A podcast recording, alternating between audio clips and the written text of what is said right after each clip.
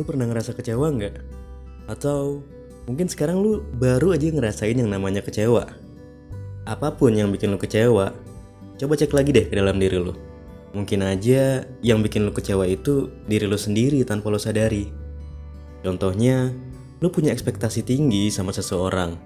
Entah misalnya lu pengen diperhatiin, pengen dicariin, dan hal lainnya yang lu pengen dapetin dari si dia. Atau mungkin bagi lo yang udah punya pasangan, lu pengen pasangan lo itu memperlakukan lu seperti satu-satunya orang dalam hidupnya. Dan ketika harapan itu nggak terjadi, itu yang bikin lu kecewa kan? Jadi saran gue, jangan punya ekspektasi tinggi kalau lu belum siap untuk kecewa.